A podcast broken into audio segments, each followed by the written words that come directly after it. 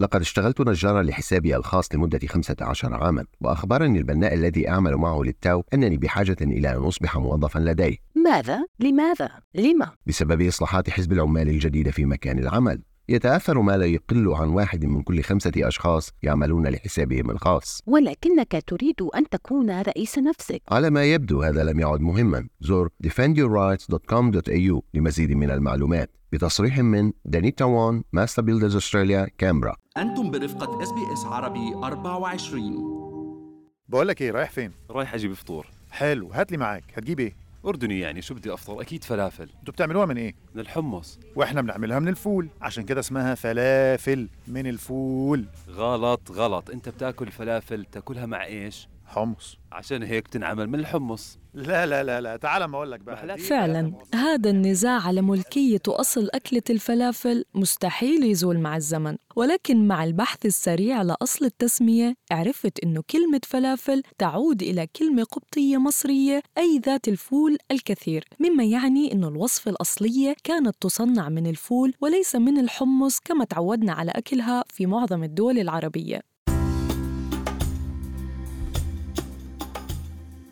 مرحبا. معكم مرام إسماعيل من بودكاست بصمات. سواء كنتوا بتسموها طعمية أو فلافل أكيد أكلتوها بالحمص أو الفول وعارفين طعمها اللي بتحبوه. الفلافل لقبها البعض بكباب الفقراء وسماها البعض الآخر بمعشوقة الأغنياء. وفي أستراليا اليوم رح تلاقوها تحديداً في معظم المطاعم النباتية وتقدم ك falafel roll أو vegetarian burger ولكن كيف وصلت الفلافل على أستراليا؟ أكيد عن طريق المهاجرين اللي أحضروا وصفتها من الدول العربية. والراحل ديب غزال كان من أوائل هدول المهاجرين اللي صنعوا وباعوا الفلافل من مطعم Abdul's في منطقة Surry Hills في سيدني. بالاول ما كان في خبز لبناني. صعب يعني تقدري تبيعي أكل ما في خبز. بس كان في فرن عندهم تحت لأن مشان يخبزوا الحلو هذا صاروا يعملوا خبز. أمي تعمل الخبز. صاروا يبيعوا فلافل سبت وأحد بس. تشوفي الصف لبرا half way down the street. العالم واقفة بالصف تياخذوا فلافل on Saturday and Sunday. السيدة هدى غزال هي آخر من يعمل في مطعم Abdul's اليوم من أولاد السيد ديب التسعة. هلا نحن أنا وإخواتي نساعد الماما بعد ال بعد ال من عشية نساعدهم شوي لأنه كنا ساكنين ورا المحل. ونانسي هي حفيدة السيد ديب من ابنه محمد وبتشتغل مع أخوها عمر في المطعم أيضا اللي بعده فاتح أبوابه لليوم منذ أكثر من خمسين عام. جدي كان ما في أطيب من قلبه بس كان كتير كتير عصبي. فلما مثلا يجوا ال- يعني حدا ويطلب شغلة مثلا آه ما هيك وبدي هيك وما بعرف شو كان دغري يعصب فيطرطر هيك بالعربي إنه قدام ستي وستي يعني تروقوا يعني ما في أحسن من لسانها وما في أطيب منها ويعني يسألوا الزبونات oh what's wrong إنه what's wrong with جده؟ ان نعم عماتي لك اليان كانوا يطقطقوا شوي بهالوقت بالإنجليزي. له آه nothing إنه بس عم يسير ستي عم يحكيها. السيد ديب لما هاجر على أستراليا ما كان مخطط في البداية إنه يعيش بقية عمره فيها وكان بيتمنى كم سنة نجاح هون ليرجع بعدها إلى لبنان. إنه ما حدا اجى لهون إلا على أساس إنه بس كام سنة وراجعين. البلد قامت وعدت شوي وهذا واخواتي كبروا هون وانه ما بقى يتركوهم ويروحوا. My dad worked very hard towards the whole family وامي كمان وامي even harder like she was always on by his side يعني. وصل السيد ديب على أستراليا في عام 1965 ومن أول الأعمال اللي قام فيها كانت صنع الفلافل في مطعم عبدولز اللي كان محل حلويات عربية لصهره وباعها للزبائن اللي كان معظمهم مهاجرين عرب. كان بهديك الأيام كانوا اكثريتهم عزابة ما حدا قلال اللي كانوا عيالهم معهم. كلياتها شباب مسافرة جاية بدهم يعملوا مستقبل وبعدين كام سنة بدهم يرجعوا. أكيد ساندويتش الفلافل ما بيكمل إلا لما يكون معمول برغيف خبز عربي ولأنه ما كان في خبز عربي بهداك الوقت كانت زوجته الراحلة نظام المعروفة باسم أم العبد بتعمل الخبز العربي الطازج ليبيعوا سندويشات الفلافل في أبها حلة. كان ستي الله يرحمها تعجن عجينة وترقى وتحطها على الصاج وتعملهم خبز لبناني. للفلافل يعملوا مثلا إنه فينا نحط هاي بدل كمون أو هاي بدل يعني هالشغلة. يعني يعملوا مثل substitution تي يعملوا الفلافل مشان ما كان في كل ال ingredients available سكان منطقة Surry Hills الأستراليين في سيدني رحبوا بالفلافل كما لم يرحب عاشق بمعشوقته من قبل. فيكو تقولوا حب من أول نظرة. وبدأوا بتوجيه أسئلتهم الفضولية لمعرفة المكونات وأصل الوصفة وقصة حياة الرجل اللي عرفهم على هذا الطبق العظيم وساهم في إدخال الفلافل النباتية على قائمة الطعام في مدينة سيدني. بدهم يعرفوا كل شيء. ويقول لهم جدي انه إنه أنا ما كان عندي أولادي. إنه بدي ضحي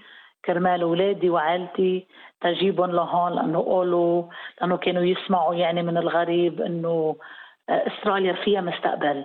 كان يقلنا الفلافل إنه أكل الفقراء إنه one يعني لو غني أو فقير الواحد فياكل فلافل بس تعذبوا كثير تا يقولوا لهم للناس مثلا شكله الفلافل يعني عندنا الحمص حب. كيف بدك تشرحي له إنه شكله الحمص حب؟ أو هيك شيء. عرفتي؟ إنه كان صعب عليهم. بس they managed and yeah it يعني took off.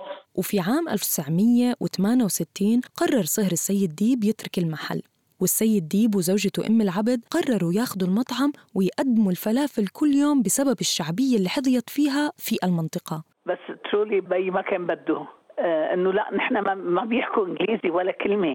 ما بدي قلت له لا بناخذه إنه أحسن هيك إنه نشتغل والأولاد بالبنات بيساعدونا. آه والله عودوا اخذوه اخذته أمي وقلبته مطعم.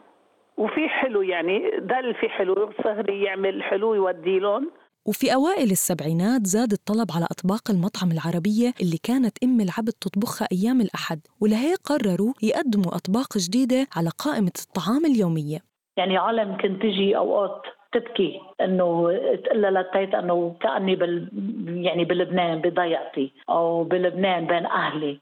هيك نحن ربينا الزبونات العرب المهاجرين إنه اللي جايين إنه على بلد غريبة وما عندهم حدا. هلأ بال community تبعتنا إذا سألتي عن مثلا تيتا وجده العالم يعني نص البلد تعرفهم كل واحد من أولاد السيد ديب التسعه كان له دور في المطعم. مثلا my dad's job for example كان يقطع البقدونس. واقف إنه كونه يلا عم يقطع بقدونس كان يجيبوهم من مزرعة بلا بروز the owners of the مزرعة كانوا Chinese. تيتا عم تعجن عجين وحاطة remember حاطة قمطة على راسها her apron is around her waist. جدو واقف عم يقلي فلافل البنات عم يرقوا كمان عجين مع أمهم uh, there's another two boys who used to يحطوا الطحينة والخس والبندورة كله على يعني على السندويشات ويروحوا على المدرسة بالنهار يجوا بالليل يشتغلوا مثلا الساعة 10 11 بالليل كلهم سوا بهالمطعم بالرغم من التحديات اللي واجهها السيد ديب وأم العبد بسبب عدم تحدثهم للغة الإنجليزية إلا إنهم يعتبروا من أنجح العائلات المهاجرة في سيدني على الإطلاق تحديداً في هذا المجال.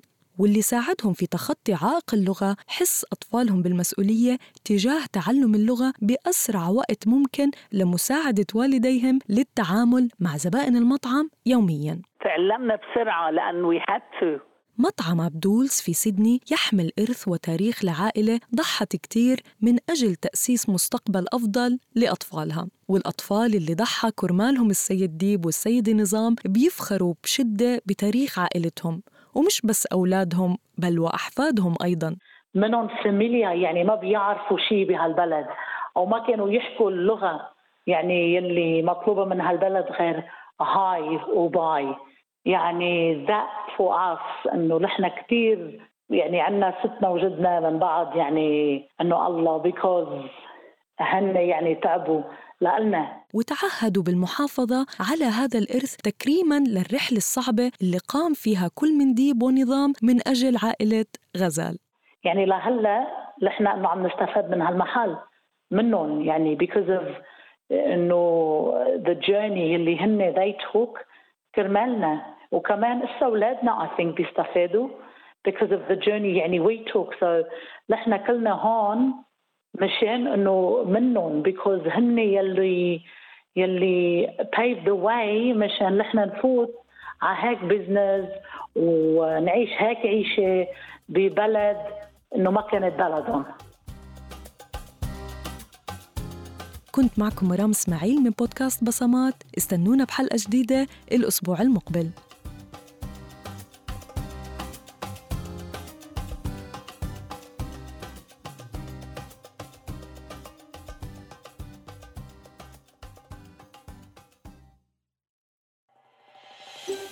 هل تريدون الاستماع إلى المزيد من هذه القصص؟ استمعوا من خلال Apple Podcasts، Google Podcasts، Spotify أو من أينما تحصلون على البودكاست